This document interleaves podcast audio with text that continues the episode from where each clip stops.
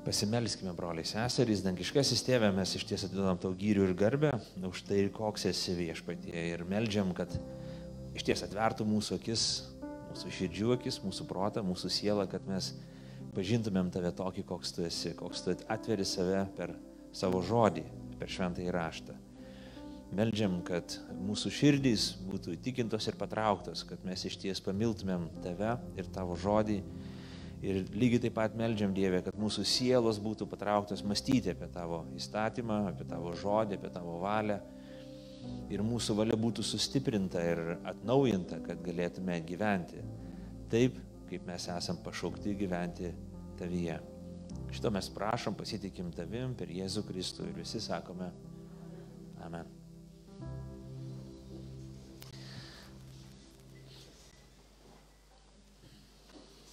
Toliau gilinamės į uh, psalmyną, į psalmių knygas ir uh, psalmių knygą ir vakar uh, krikščioniškas pasaulis, bent jau evangelinis pasaulis šventė svarbę dieną, tai yra reformacijos diena, uh, 1517 metais, spalio 31 dieną, vienuolis Martinas Liuteris E, paskelbė tezes, 95 teiginius, kuriais jisai paskatino bažnyčią atsinaujinti. Grįžti prie ištakų, grįžti prie Dievo žodžio, grįžti prie Evangelijos žinios. Ir, ir tai iš ties tas, tas sąjūdis nuvilnyja per visą pasaulį, per visą vakarų pasaulį ir skatina bažnyčią iki šios dienos atnaujinti savo santykių su Dievu, skatina bažnyčią vėl naujai pažiūrėti į, į į tai, ką kalba, ką moko Dievo žodis. Ir pirmasis teiginys, penki tokie teiginiai, kurie, penkios solos, taip vadinamas, vien tik teiginiai tokie, kurie geriausiai apibūdina ir pabrėžia, kas yra toji reformacija, kam kvietė atsinaujinti e, tas minėtas mūsų vienuolis. Tai pirmas teiginys, kad vien tik raštas atskleidžia Dievo valią. E, prie jo mes sugrįšim. Tik Kristus yra mūsų atpirkėjas, e, tik Kristus vienintelis tarpininkas tarp Dievo ir žmogaus, nėra kito tarpininko. Nėra, nereikia tarpininkų, mums nereikia, kad kažkas mus sujungtų su Dievu.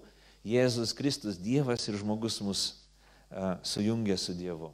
Praleido tik tikėjimas, pas mane kitaip surašyta tvarka, tik tikėjimas. Mums nereikia jokių darbų, mums nereikia jokių veiksmų, jokių aukų, kažkokių tai piniginių, fizinių veiksmų, e, aukų dėl ko mes galėtumėm būti uh, uh, priimti pas Dievą, sutaikyti su juo. Per tikėjimą mes gaunam sielos išganimą, mūsų atleidžiamos mūsų nuodėmės. Uh, kitas teiginys - tik malonė.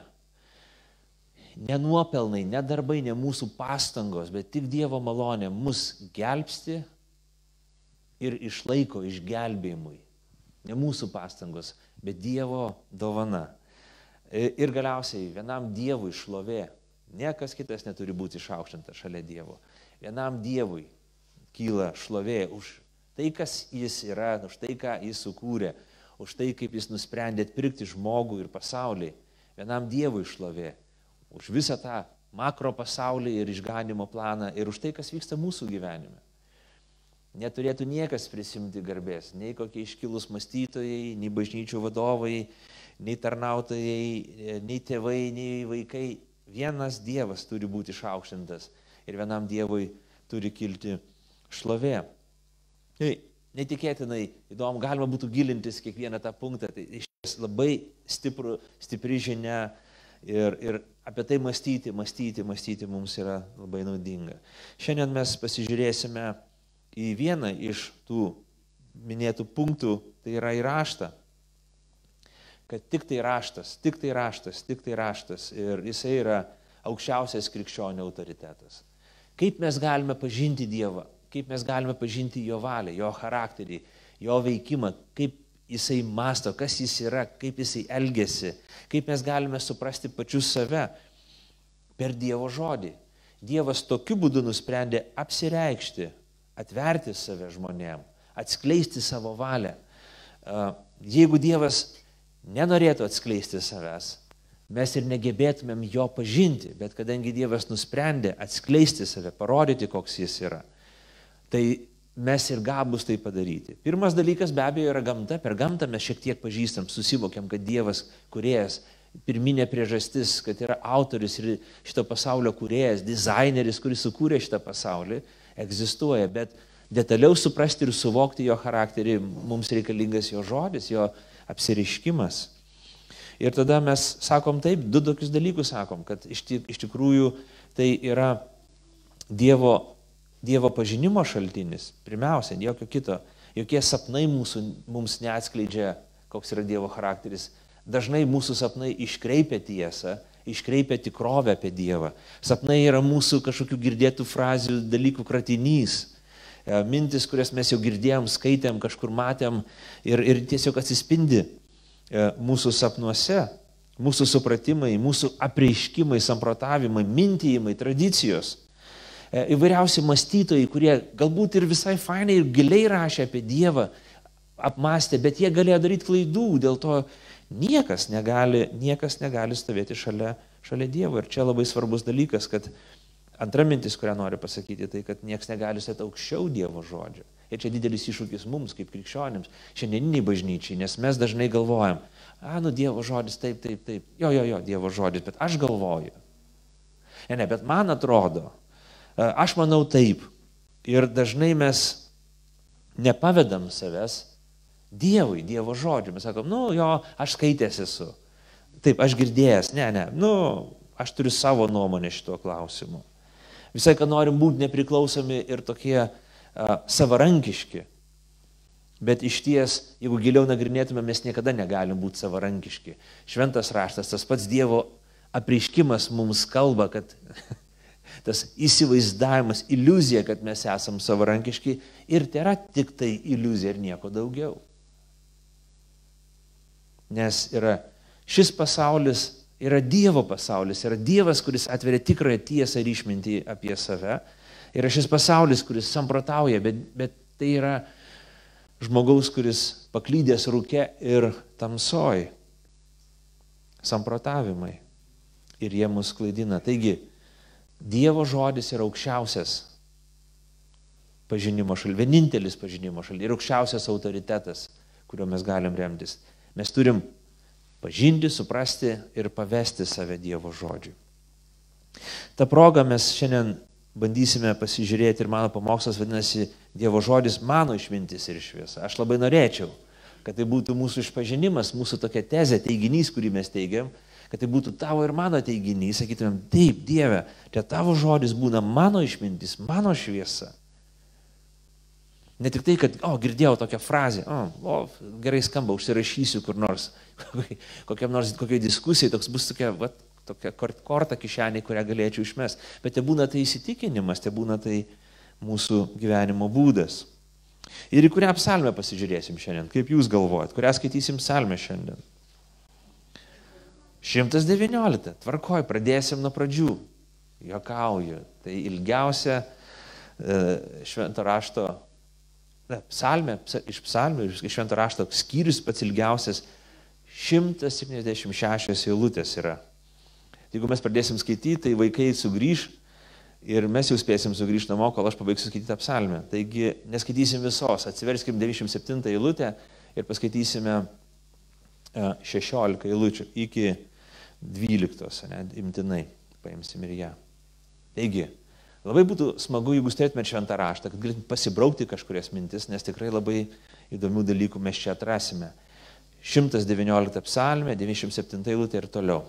Kaip aš myliu tavo įstatymą, mastau apie jį ištisą dieną. Įsakymai tavo padarė mane protingesnį už mano priešus, nes jie visuomet su manimi. Daugiau suprantu už visus savo mokytojus, nes mastau apie tavo liudijimus. Daugiau išmanau už senius, nes laikausi tavo potvarkių. Nuo bet kokio pikto kelio susilaikau, nes klausau tavo žodžio. Nuo tavo sprendimų nenukrypau, nes tu mokai mane. Kokie saldus yra tavo žodžiai, saldesni mano burnai už medų. Dėl tavo potvarkių tapau, išminting, tapau išmintingas, todėl nekenčiu jokio melo. Tavo žodis yra žibintas mano kojai ir šviesa mano takui. Prisiekiau vykdyti tavo teisingus sprendimus ir laikysiuosi jų. Viešpatie esu labai prislėgtas, atgaivink mane kaip esi pažadėjęs. Viešpatie primk mano lūpų laisvos valios auką, pamokyk mane savo sprendimu, mano siela yra nuolat mano rankoje, tačiau tavo įstatymo nepamirštu. Nedoreliai man spendžia šabangus, bet nuo tavo potvarkių nenukrypau. Pamokymai tavo yra mano paveldėtas turtas, jie mano širdies džiaugsmas, palenkiau savo širdį vykdyti tavo nuostatų. Tai darysiu dabar ir visada. Toks yra Dievo žodis, sakykime, amen. Taigi, ilgiausias Biblijos skyrius - 176 e, eilutės. Jeigu mes detaliau pasižiūrėtumėm į šią psalmę, mes pamatytume, kad tai yra tiesiog nuolatiniai atsikartojimai toje psalmėje. Visai atsikartoja ta, tam tik ta pati tema - Dievo žodžio svarba e, tikinčiojo gyvenime. Koks yra Dievo, kad mes turime būti šalia Dievo žodžio, suprasti, e, suvokti, apmastyti ir svarbiausia, pritaikyti į savo gyvenime. E, aš sąmoningai parodau paveikslėlyje e, hebrajų kalbos abecelės raides, nes šita psalmė yra sudaryta tokia achrostikų. Tai reiškia, aštuonios eilutės sudaro tam tikrą kaip ir skirelį ir skirelis prasideda pirmąją raidę abecelės. Aš po e, devintą eilutę prasideda vėl kit antra abecelės raidė. Yra 22 raidės abecelės e, hebrajų kalboje ir po aštuonias eilutės taip sudėliota. Jeigu norit skaityti psalmę gabalėlį sukramtyti, nes jums per didelis skyrius, skaitykit po aštuonias, po aštuonias eilutės, nes taip originaliai parašyta. Ir kai perskaitot visas 22 po 8 ir gaunat 176 eilutės. Ir svarbiausia tema šitoj, šitoj e, psalmiai yra be abejo Dievo žodis, kaip ir minėjau. Dievo žodis, susitelkimas į Dievo žodį. Kas tai, kas tai yra, kuo tai svarbu, kas tai reikšminga ir taip toliau. Tai kodėl mums krikščionims tai labai svarbu Dievo žodis? Kas tai instrukcija ar kas tai mūsų gyvenime yra? Aš paėmiau vieną instrukcijos knygą. Čia garso kolonėlės instrukcija. Talmudas toksai. Ir aš esu iš to žanro žmonių, kurie niekada neskaito instrukcijas. Aš, jeigu aš pakuoju kokią dėžę, aš instrukciją metu tenai, paprastai su, su kvitu, su sąskaita, kad jeigu reikės ten kada gyvenime, jeigu prireiks, jeigu intuityviai man nepavyks, nepavyks įjungti to prietaiso, tada aš jau atsiversiu, jeigu garantinis bus, tada aš jau čekį panaudosiu ir taip toliau, bet niekada neskaitau. Aš iš to žanro žmonių.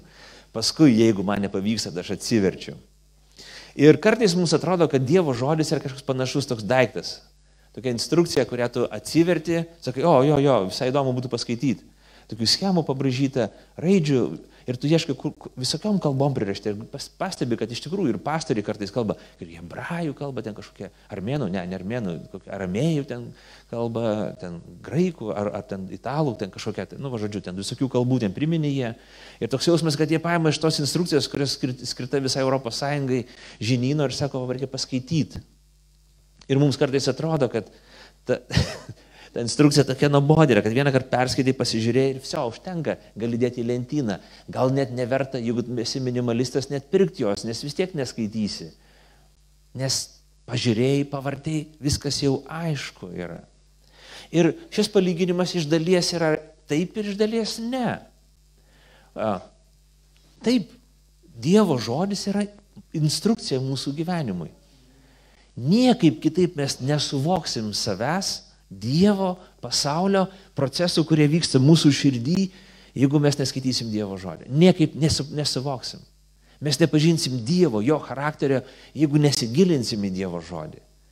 Mes netapsim išmintingai žmonėmis, jeigu mes neskaitysim Dievo žodžio. Mes klaidžiusim tamsoj, jeigu mes neatsiversim šitos instrukcijos. Na, nu, gerai, ne šitos, bet tos, kuri vadinasi Dievo žodis.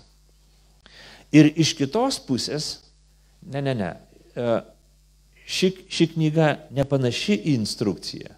Ši knyga nėra nuobodi instrukcija. Ši knyga nėra tokia, kurią tu perskaitai vieną kartą ir viskas aišku. Tai knyga, kurią mums reikia nuolat įsiklausyti, su kuria reikia nuolat būti. Neveltui yra kaip asmuo. Neveltui uh, Jono Evangelija prasideda žodis, kad pradžioje buvo žodis, logos, pradžiai buvo žodis ir tas žodis tapo kūnu. Jis gyveno tarp mūsų. Netikėtina žinia, raštas tiek Senasis testamentas, tiek Naujasis testamentas turi vieną aiškiai žinę. Nori pažinti Dievą, tu turi kreipti savo mintis į žodį ir į Bibliją ir suvokti, ir suvokti, koks jis yra, koks yra pats Dievas. Nes kai tu mastai, kai tu skaitai tą instrukciją, Dievo žodį, kai skaitai ją, tu, tu skaitai ne teorinės žinias apie kažką, bet tu gilinės ir būni, gilinės į asmenį ir būni su tuo asmeniu, būni su mūsų viešpačiu Jėzumi Kristumi, su trivieniu Dievu, tėvu, sunum ir šventąją dvasia. Žiūrėkit, vien šitoj mūsų ištraukoj, kurią mes perskaitėm, jeigu jūs turite šventą raštą, arba net telefone, jeigu turite Bibliją, pasižiūrėkit, kokie sinonimai vartojami, kalbant apie Dievo žodį, nes kartais sako, Biblija, Dievo žodį, ar tas pats ar ne tas pats dalykas yra. Tai pasižiūrėkim, kaip vien to, tose 16 eilučių, kiek yra paminėta sinonimų. 97 eilutė, įstatymų tai vadina. Sekančia eilutė, įsakymai, tavo įsakymai. 99 liūdimai, šimtoji, potvarkiai, šimtas pirmoji, tavo žodis, e, šimtas antroji, sprendimai, šimtas vienuolikta, pamokymai, šimtas dvylikta, nuostatai. Ekim, neįtikėtinai, kokia panorama. Įstatymas, įsakymai, liūdimai, potvarkiai, žodis, sprendimai, pamokymai, nuostatai. Įvairūs sinonimai vartojami arba tam tikros reikšmės, kurios sinonimiškai vartojamos, vadinkim, tai Dievo žodis yra, bet, bet tam, tikros, tam tikras funkcijas, tam tikrus dalykus atskleidžia, ką Dievo žodis iš tikrųjų daro, mums duoda kaip, kaip įstatymas, kaip įsakymas, mums paliudimas, tai parodo, kaip Dievas sutvarkė dalykus, ne? jo žodis tai yra, jo, sprendimai, pamokymai ir nuostatai. Taigi tai yra Dievo žodis. Biblija, Biblija, jinai duota kaip instrukcija, bet ji nėra nubodi instrukcija. ne instrukcija, kurią vieną kartą paskaitęs, tu jau viskas, viskas tau aišku. Svarbiausia paspaus didelę knopkę ir ne, ne ištraukti laidą anksčiau, negu išjungi programinę įrangą. Ne, ne, ne. Ne tai viskas paprasta. Mes esame daug sudėtingesni. Ir, ir procesas, kurį, į kurį viešpas mus veda, į, į jo pažinimą, į Dievo pažinimą, į išminties kelią yra ilgas, sudėtingas. Ir, ir Ir tik būnant su Dievo žodžiu mes galime jį nužingsniuoti. Gerai, pažiūrėkim keletą minčių. Taigi, Dievo žodis. E, neįmanoma per, per vieną pamokslą išdėstyti šitos psalmės. Neįmanoma, nes turinys yra nepaprastai didelis. Neįmanoma visko tuo labiau pasakyti apie Bibliją, apie Dievo žodį per vieną pamokslą. Šiandien pakalbėsiu du aspektus - apie išmintį ir paskui galę šiek tiek apie šviesą, nes tai yra e, labai gražiai, vaizdžiai e, psalmininkas apie tai kalba, rašo. Taigi, žvelgime, eikim paieškoti išminties. Kai kalbama apie išmintį, šventajame rašte niekada nekalbam apie tokį dalyką, apie tą išmintį ir supratimą, kaip mes dažnai naudojam mūsų kultūrai. Jeigu mes paskaitysime šventą raštą, pažiūrėkime dabar, tarkim, 28 eilutę, 90 ir išimtoji. Žiūrėkit, įsakymai tavo padarė mane protingesnį už mano priešus, nes jie visuomet su manimi. Daugiau suprantu už visus savo mokytojus, nes mastau apie tavo liudimus. Daugiau išmanau už senius, nes laikausi tavo potvarkių. Neįtikėtina, žiūrėkit, sako, čia svarbu suvokti dalykų, žiūrėkit, sako, kai aš būnu su tavo įstatymu, kai būnu su Dievo žodžiu, kai aš bandau suprasti, suvokti, klausyti, apmastyti ir gyventi tuo, aš tampu pranašesnis už kitus žmonės. Aš būnu pranašesnis, įgyju daugiau išminties už tos žmonės, kurie ilgai gyveno šito žemėje. Antikiniai kultūrai išmintis buvo senų žmonių, vyresnių žmonių, vyresniųjų nusavybė. Tau reikia nugyventi gyvenimą, kad taptum išmintingas. Šiandien mūsų kultūra visiškai priešingai. Mes sakom, ai, nugyvenę žmonės, tai ir yra nugyvenę žmonės. Bet netai buvo, netokio kultūrai buvo rašomas šventas raštas. Anksčiau visi žmonės mąstė, kad kuo tu ilgiau gyveni, daugiau dalykų pastebi, patiri, išgyveni, tuo tu tampi išmintingesnis, suvoki, kad kiek daug klaidingų dalykų. Mes su, su vaikai žiūrėjom uh, Rocky Balbo filmo uh, pratesimą Krydas ir uh, Ir antroji daly jisai kalba, Rokis kalba, sako, o, sako, aš padariau daug klaidų, nedaryk to klydai, nedaryk to, tų klaidų, ką aš dariau, aš nutraukiau ryšius su savo vaikais, aš nematau savo, nu, per savo gyvenimus matė, kiek daug pridarė klaidų ir tada senyvas žmogus sako, nedaryk, nesielg šitaip. Bet psalmininkas sako, jeigu tu būni su Dievo žodžiu, jeigu tu klausai Dievo žodžiu, tampi išmintingesnis už tą žmogų, kuris daug metų nugyveno. Neįtikėtina. Dar labiau sako, kad tu tampi išmintingesnis už visus savo mokytojus. Čia visiems, kas mes dėstam, mokom, tai nu, vos nedūris į paširdžius, kaip tai gali būti. Bet Dievo žodis šventoji dvasia, pats Dievas, mūsų vidinis mokytojas yra Dievas. Ir jeigu mes mokomės iš Dievo, jis tampa mūsų mokytoju. Neįtikėtinas dalykas. Ir dar daugiau sakoma, kad, kad mes tampam pranašesni už savo priešus. Oi, mesgi krikščio, mes geri žmonės, va, kaip gisločio lapas, nes priešų neturim. Ar tikrai? Kas neturit priešų, pasilikit po pamaldų, pakalbėsim, aš duosiu keletą klausimų, ar tikrai neturit priešų. Mes kartais tokį fasadą susikūrėm, bet žiūrėkime, čia šitoje vietoje sakoma, kad aš tampu pranašesnis, jeigu klausau Dievo žodžio. Psalmininkas taip teigia ir tvirtina. Ir ką, ką reiškia išmintingas? Išmintingas tai nereiškia, kad tu išmanai kažkokią vieną sritį, kažkokį vieną dalyką, siaurai išmanai tam tikrą sritį, kad tu gausi, jeigu skaitysi šventą raštą, jeigu būsi šalia Dievo žodžio, tu gausi Nobelio premiją už, už pasiekimus chemijai. Arba astronomijai. Arba medicinai. A, ne, negausi. Tikrai negausi. Jeigu tik Dievo žodį skaitysi, tikrai negausi. Um, tu negausi, gal, greičiausiai negausi ir garbės daktaro kažkokio titulo už, tai, už savo gyvenimo pasiekimus. Ne, ne, ne apie šitas kategorijas kalbama, kai kalbama apie išmintį. Žiūrėkime, pirmam laiške korintiečiam, pirmam, trečiam skyriuose daug kalbama apie tam tikrą konfliktą, dviejų išminčių konfliktą, dviejų skirtingų išminties tradicijų. Ir be abejo, šventas raštas, evangelinė bažnyčia niekada ne, nekritikuoja mokslo ir kitų dalykų. Mokslas turi pažinti šį pasaulį, Dievo sukurtą pasaulį ir žmogui duota, duotas protas, kad gilintųsi, suprastų, suvoktų, gerintų, padėtų, tobulintų šį pasaulį, padėtų žmonėms, svarbiausia žmonėms, kurie yra sukurti pagal Dievo atvaizdą ir pavydalą. Ir kad tinkamai prižiūrėtų šitą žemę, kuri duota kaip, kaip, kaip laukas, kurį mes turim prižiūrėti, kaip sodas į kurį Adomas ir Jėva yra pasiūsti ir mes jų palikonis turim prižiūrėti. Tai mūsų, mūsų pašaukimas, kaip žmonių pašaukimas ir krikščionys jam nesipriešina, jie apglėbė. Bet pirmam korintiečiam kalbam apie tai, kad yra dvi skirtingos išmintys. Pažiūrėkime, nuo, nuo 1 korintiečio 1.17 ir toliau. Kristus nesiuntė manęs krikštyti, bet Evangelijos skelbti ne žodžių išmintimi, kad kryž, Kristaus kryžius netaptų bereikšmis Mat žodis apie kryžių tiems, kurie žūsta, yra kvailystė, bet mums išgelbėtiems jis yra Dievo jėga. Nes parašyta, sunaikinsiu išmintingųjų išminti, niekais paversiu protingųjų išmanimą. Kur išminčius, kur rašto žinovas, kur šio amžiaus tyrinėtojas?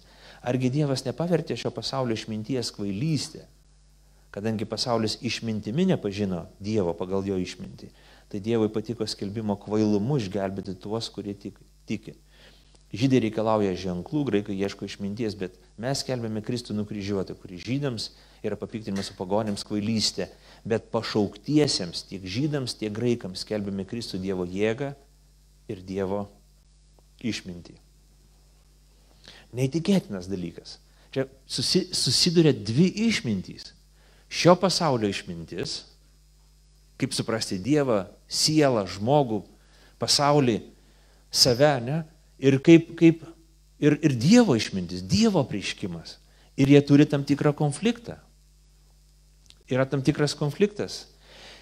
Kai mes patikim Dievu, kai mes tikim jį, kai mes patikim jo apreiškimu, jo žodžiu, kas įvyksta su mumis, mes pradedam pasikliauti jo žodžiu, mes pradedam klausyti Dievo žodžio. Ir mes, jeigu einam tuo keliu, kurį nurodo mums dievo, dievo, dievo, dievo išmintis ir Dievo žodis, mes tampam išmintingais ne šio pasaulio akise, bet kieno? Dievo akise. Ir mes netapsim, jeigu nesigilinsim į fiziką, chemiją ir kitus dalykus, netapsim niekada laureatais ir mokslo daktarais. Bet jeigu mes laikysimės Dievo žodžio mokymo, mes tapsim dorais, dievotais žmonėmis, išmintingais Dievo akise žmonėmis. Ir čia labai svarbus dalykas.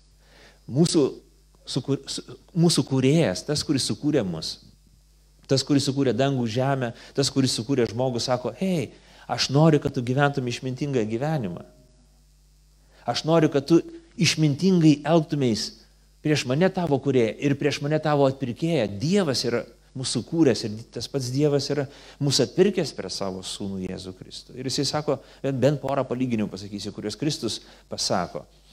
Nekim, Jėzus sako palyginimą apie vieną žmogų, kuris uh, buvo ūkininkas ir vienais metais gauna didžiulį derlių, milžinišką derlių. Ir atrodo visai protingai svarsto savo širdį. O, kamo, fainai, aš pelnas neįtikėtinas. Ką dabar darau? Ilsiuosi, tiesiog džiaugiuosi. Visas gyvenimas dabar fainai. Aš sunkiai dirbu daug metų, o dabar cool, aš tiesiog dabar atostogausiu. Karma, te gyvuoja. Sėjau, sėjau, dabar pjaunu. Liuks.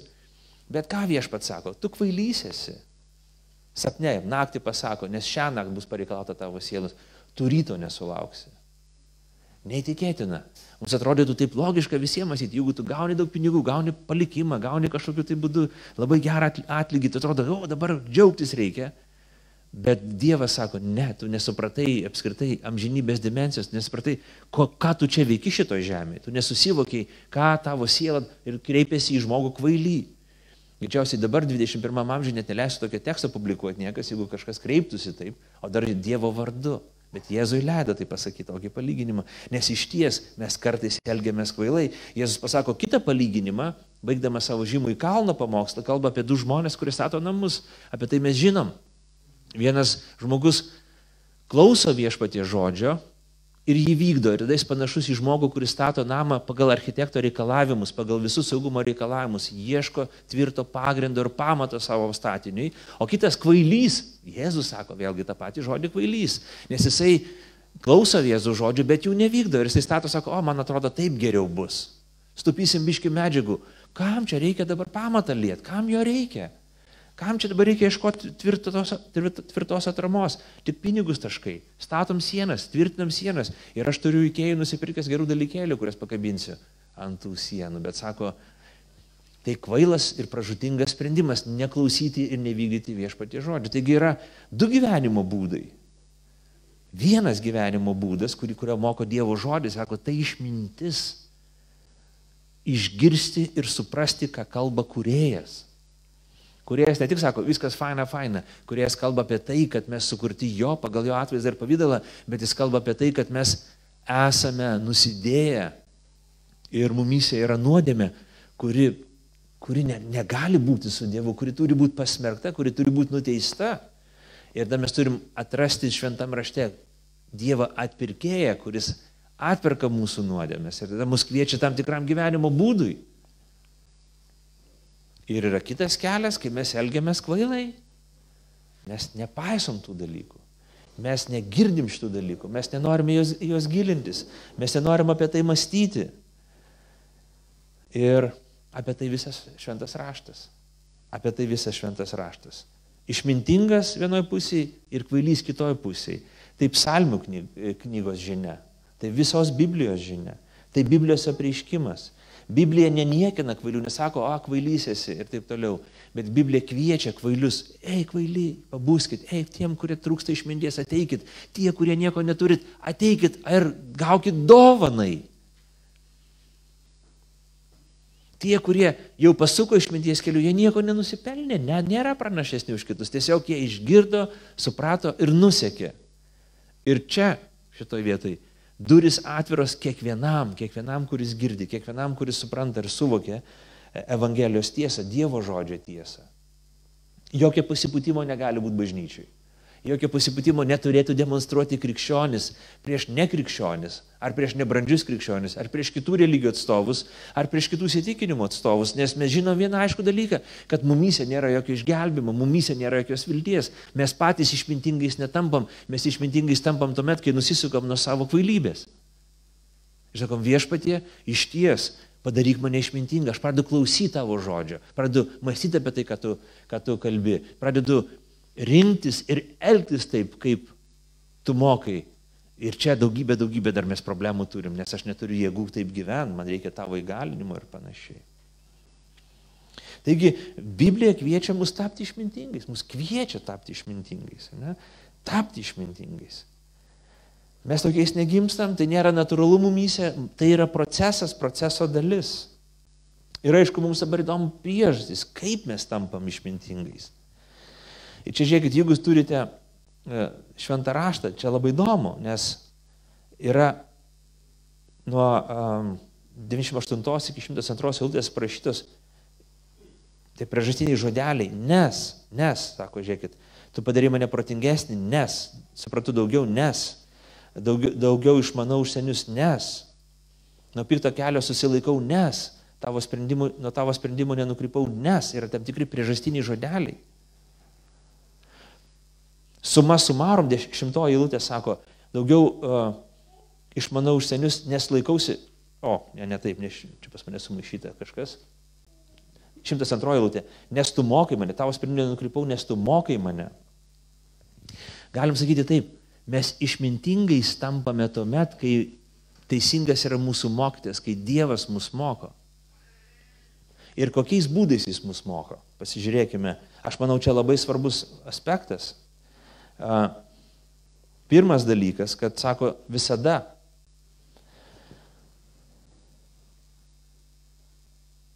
Sako, tavo sakym padarė mane protingesnį už mano priešus, nes jie visuomet su manimi.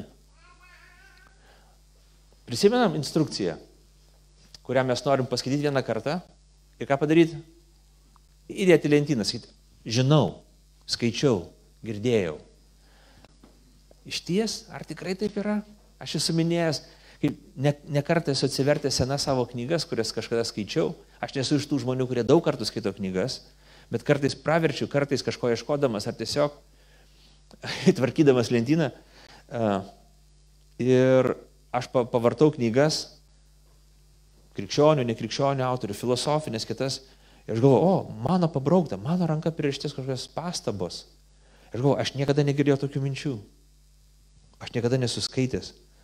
Aš kartais galvoju, kaip aš turėčiau gyventi, jeigu aš tai buvau perskaitęs prieš 20 metų. Kodėl aš taip dabar gyvenu? Nes tokia išmintis ten skambėjo. Esat kažką panašaus patyrę? kažkas panašus toks jausmas, kad tu pirmą kartą girdi, nors tavo, mano ypatingas raštas, kurio niekas negali pakartoti, mano ranka parašyta ten, bet aš ne, galvoju, jergau, aš viešpatė, kaip aš taip galiu, aš pamiršau tos dalykus. Tie dalykai netapo mano dalim. Man reikia nuolatinio priminimo. Tokia mano kaip žmogaus prigimtis, tokia mūsų kaip žmonių prigimtis. Norint tapti išmintingais, norint gyventi su Dievu, mums reikia nuolat pasilikti. Neišeina vieną kartą susipažinti, neišeina kurso, neišeina vieną kartą ateiti pamaldas, neišeina Bibliją nuo pradžios iki galo perskaityti. Neužtenka to dalyko, reikia nuolat būti su jais. Čia kaip bendravimas su asmeniu, lygiai tas pats dalykas, nuolatinis pasilikimas, kaip santoka. Susitokį ir, ir, ir pažįsti, pažįsti, pažįsti, pažįsti. Taigi, nuolatinis dalykas visada. Kitas dalykas, klausau. Hmm, supraskim, čia irgi meninė išraiška, čiagi poezija yra, bet, bet tuo metu žmonės, kai buvo rašoma šitą psalmę, neturėdavo Biblijų. Dabar mes turim kiek nori Biblijų. Aš nežinau, kiek mes turim Biblijos atspausintų egzempliorių namuose. Skirtingų vertimų, skirtingų kalbų ir taip toliau, bet tuo metu žmonės net, neturėdavo tokios prabangos, ne visi mokėjo skaityti, dėl to Bibliją skaitydavo, šventą raštą skaitydavo garsiai ir klausydavo. Visai kita atmintis, visai kitas dalykas, dėl to kurdavo psalmės taip, kad lengva būtų prisiminti, kad lengviau būtų prisiminti kaip poezija. Kaip poezija. Žodžius, kuriuos lengviau įsiminti kaip daina. Ir klauso, aš klausau, klausyti. Žinot, skirtingai skiriasi klausyti ir girdėti. Juk tėvai klauso vaikų, ką sako, mm, mm, ja, ja, mm, pasakoja tėvai, sako, 50 eurų duok. Ką, tėvai, nu, nustė, ką, kas čia buvo, ko, ko čia dar pinigų paprašė.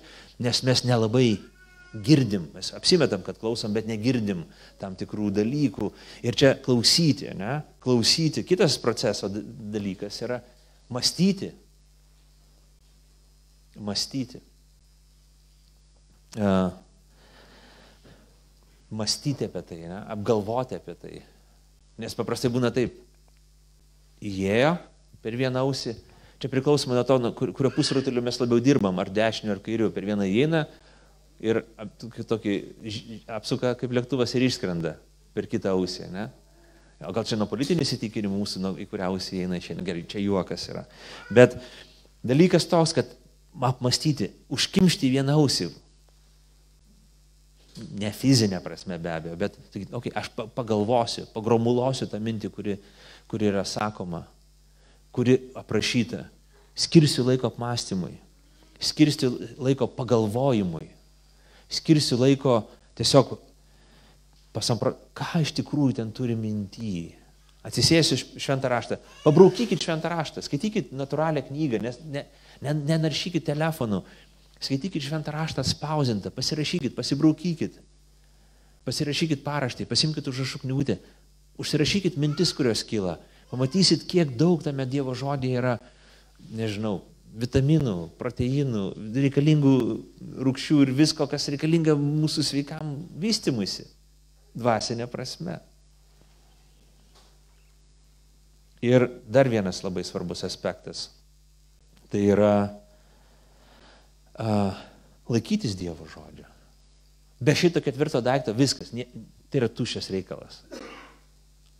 Jeigu mes tik tai skaitom, jeigu mes tik tai klausom, jeigu mes net ir apmastom, bet jeigu taip nesielgiam, kai moko Dievas, vis tuščias reikalas. Tuščias reikalas. Uh, aš vieną kartą vyriau, būdamas jaunas paauglys, tuos vadinamus net nežinau, kaip vadinasi, tokie, žinot, e, cipelinai, bet be mėsos, kaip ten vadinasi. Tarkuotų bulvių dalykas. Nu, atsklindžiai, nu, tarkim, tokio žodžio niekada ne, ne, nevartojam namuose, bet tarkim. Aš viską padariau pagal, pagal receptą, sutarkavau, sudėjau ir taip toliau, ir sudėjau tiesiog į šaltą vandenį. Paskui praėjo kiek laiko, galvoju, pamaišysiu. Aš galvoju, nei vien, kur jie dingo visi kažkokia masė visa pavirto. Ir jie tiesiog visi ištirpo. Čia lygiai tas pats dalykas, kai mes galim visą laiką būti, klausyti, mąstyti, turėti žinių apie Dievą, bet jeigu mes nepaklūstam, tuščias reikalas. Viskas. Tuščias reikalas. Išmintis nėra Biblijos faktų žinojimas. Ja pasiekime išmintį, kai nuolankiai mylime, paklūstame ir mėgaujamės.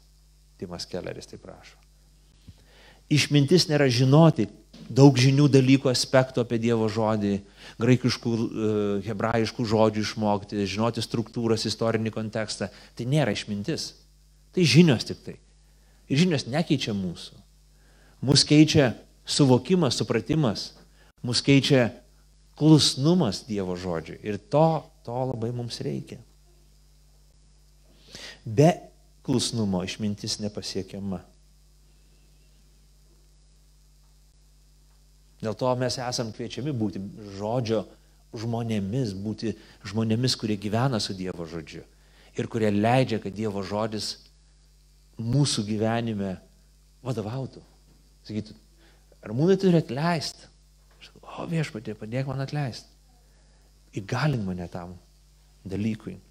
Žiūrėkime, Tik tai šitoj, šitoj uh, ištraukai, 16 eilučių iš tos psalmės, žiūrėkit, Dievo žodžio ir mūsų santykis, koks aprašytas. Aš čia atradau tos žodžius, neminėsiu eilučių. Žiūrėkit, Dievo žodis ir mes. Myliu Dievo žodį. Ne?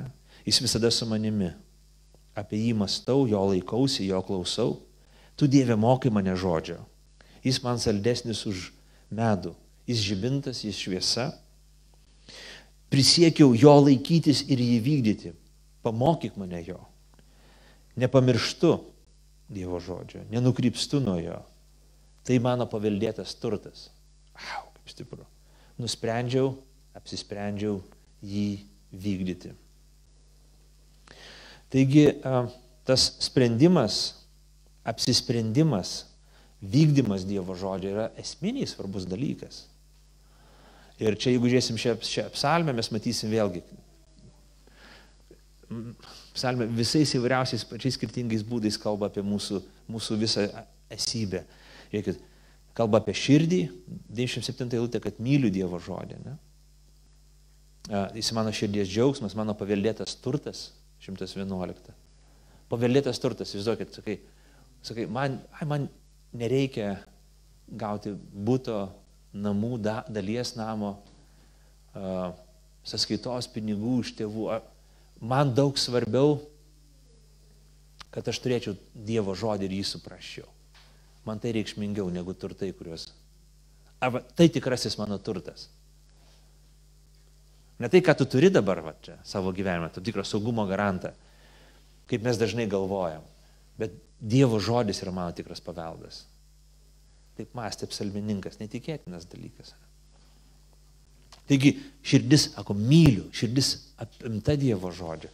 Siela, mastau apie tavo žodį. Mastau apie tai, galvoju apie tai. Mano protas veikia ir, ir aš samprotauju apie tai mano tavo žodžiai saldus, man, man patinka, man, ir man patinka. Nėra tai, kad aš mastau ir aš kankinuosi, bet man patinka tai daryti. Ir galiausiai valia. Uh, laikausi tavo žodžių. 112 eilutė, žiūrėkit, kaip skamba netikėtinai. Palenkiau savo širdį vykdyti tavo nuostatų, tai darysiu dabar ir visados. Palenkiau. Palenkiau.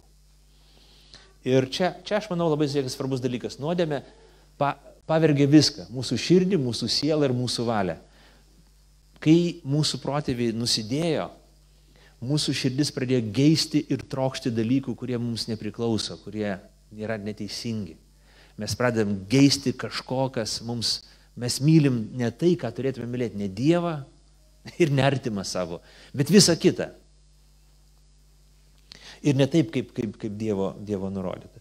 Mūsų siela, mes mastom ir galvojam apie kitus dalykus, ne apie tai, ką turėtumėm galvoti. Ir mūsų valia yra palaužta.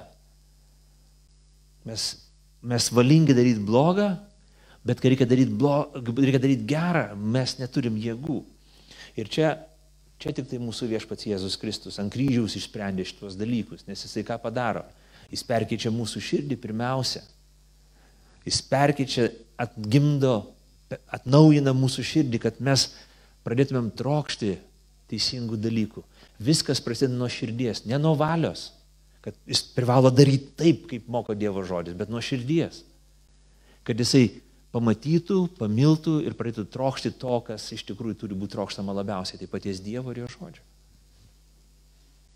Meilė šaltinis turi pasikeisti. Pirmiausia. Ir tik per Jėzaus kryžių tai gali nutikti, Kai, nes Jėzus mirė ant kryžiaus tam, kad perkeistų mūsų širdį. Va čia esame, pačią gelmę mūsų, kas mes esam. Niekas kitas negali perkeisti žmogaus širdies. Mes galim susilaikyti, mes galim tapti asketiškais labai, mes galim susivaldyti daugybę situacijų, bet širdies savo perkeisti negalim. Ir kai širdis keičiasi, tada mes pradedam mąstyti ir galvoti, pradedam pažinti Dievą, nes mus pradeda traukti Dievas noras atsiranda būti su juo. Bet labai svarbu, kad mes tuos kitus žingsnius toliau žengtumėm patys labai aiškiai, labai sąmoningai. Kiekvienas krikščionis privalo, privalo jeigu jis nori aukti, jeigu jis nori tapti išmintingas, jeigu nori aukti kaip krikščionis, jeigu nori pažinti savo Dievą, jeigu nori nelikti kūdikis, jis privalo aukti Dievo pažinimus, privalo pasilikti Dievo žodį, jis privalo apmastyti Dievo žodį. Ir galiausiai privalo tinkamai pasirinkti. Ir čia aš susiduriu daugybę kartų, susidūrė su, su žmonėmis, sako, aš tiesiog negaliu, man tiesiog nesigauna, negi dabar tu mane pasmerksi.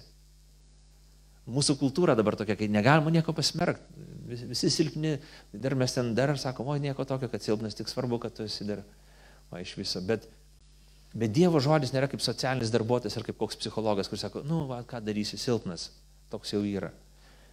Dievo žodis mus gali atnaujinti ir įgalinti. įgalinti mūsų valią gyventi ir elgtis taip, kaip moko Dievo žodis. Dievo žodis, pats Jėzus Kristus, jisai gydo mūsų širdį, gydo mūsų minčių pasaulį ir gydo mūsų valią, kad jinai būtų palengta elgtis tinkamai, taip, kaip moko Dievo žodis, o ne gyventi savo. Vienas autoris, galbūt reikėtų ištarti taip motyje, gal aš taip sakysiu E, jo pavardę. Sako, džiaugsmas be klusnumo yra, lengva būd, yra lengva būdiškumas. Klusnumas be džiaugsmo yra moralizmas. Negalim šitų dalykų sakyti, tu vykdyk Dievo žodį, paskui ten širdis tai, nu, susitvarkys. Ne, pirmiausia turi būti širdis, kad mes turim pamatyti, suvokti, suprasti, pamilti, trokšti tų dalykų. Ir tada mes sakom, dabar Dieve įgalink, padėk man taip gyventi, padėk man taip elgtis, padėk elgtis taip, kaip moko tavo žodis. Nu, ir galiausiai paskutinis aspektas trumpai. Žiūrėkit, 105 eilutė. Netikėtinai graži. Netikėtinai graži. Tavo žodis yra žibintas mano koja ir šviesa mano takui. Kažkaip šį kartą, apmasydamas šias eilutės, perskaičiau vieną komentarą, Timo Kellerio komentarą ir man labai patiko jo mintis, kad apie tamsą ir, ir apie tamsą jis kalbėjo tokio chaoso laikotarpyje. Žinot, būna laikas, kai mūsų gyvenime ateina tam tikri chaosai, toksai išbandymų, išmėginimų laikas, kai mes prarandam orientyrus ir nebežinom, kaip reikia elgtis ir, ir, ir daryti. Krizės, įtampos, ilgalaikės krizės mūsų gyvenime būna. Esam gundomi. Ir atrodytų, visas mūsų mūsų kompasas, moralinis pasirinkimų kompasas, jisai kaitulio sukas ratu ir nebelabai susigaudai, kaip, kaip reikia elgtis. Vidiniai tu jautiesi kvailai, kaip salmininkai, kaip tie, kurie rašė psalmę, jie susidūrė su tokia tikrovė, su kuria susidūrė mes, kai galvoja, žiūrėk, žmogus elgesi piktai, neklauso Dievo žodžio ir jam viskas fainai.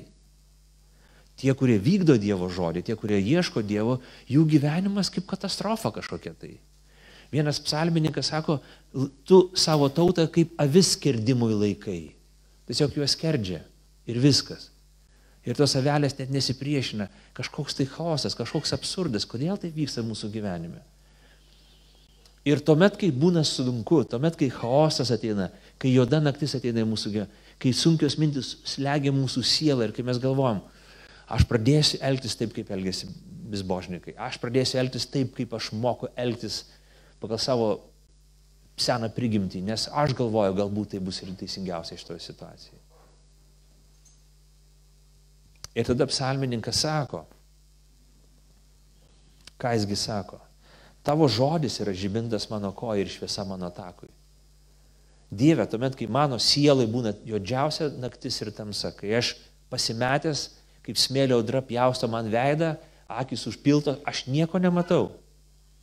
Sako, prisiekiau vykdyti tavo teisingus sprendimus ir laikysiuosi viešpatė, esu labai prislėgtas, atgyvink mane, kaip esi pažadėjęs.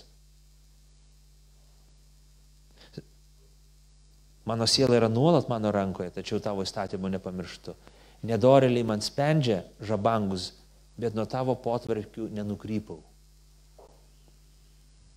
Va štai, brangiai, koks netikėtinas uh, padrasinimas iš Dievo žodžio kad kaip Jėzus, kuris buvo dikumoji, nevalgęs 40 dienų ir 40 naktų, jis buvo gundomas. Gundomas pasirinkti netinkamai, elgtis netinkamai, ne tam Dievui priklaupti. Ką viešpats Jėzus darė?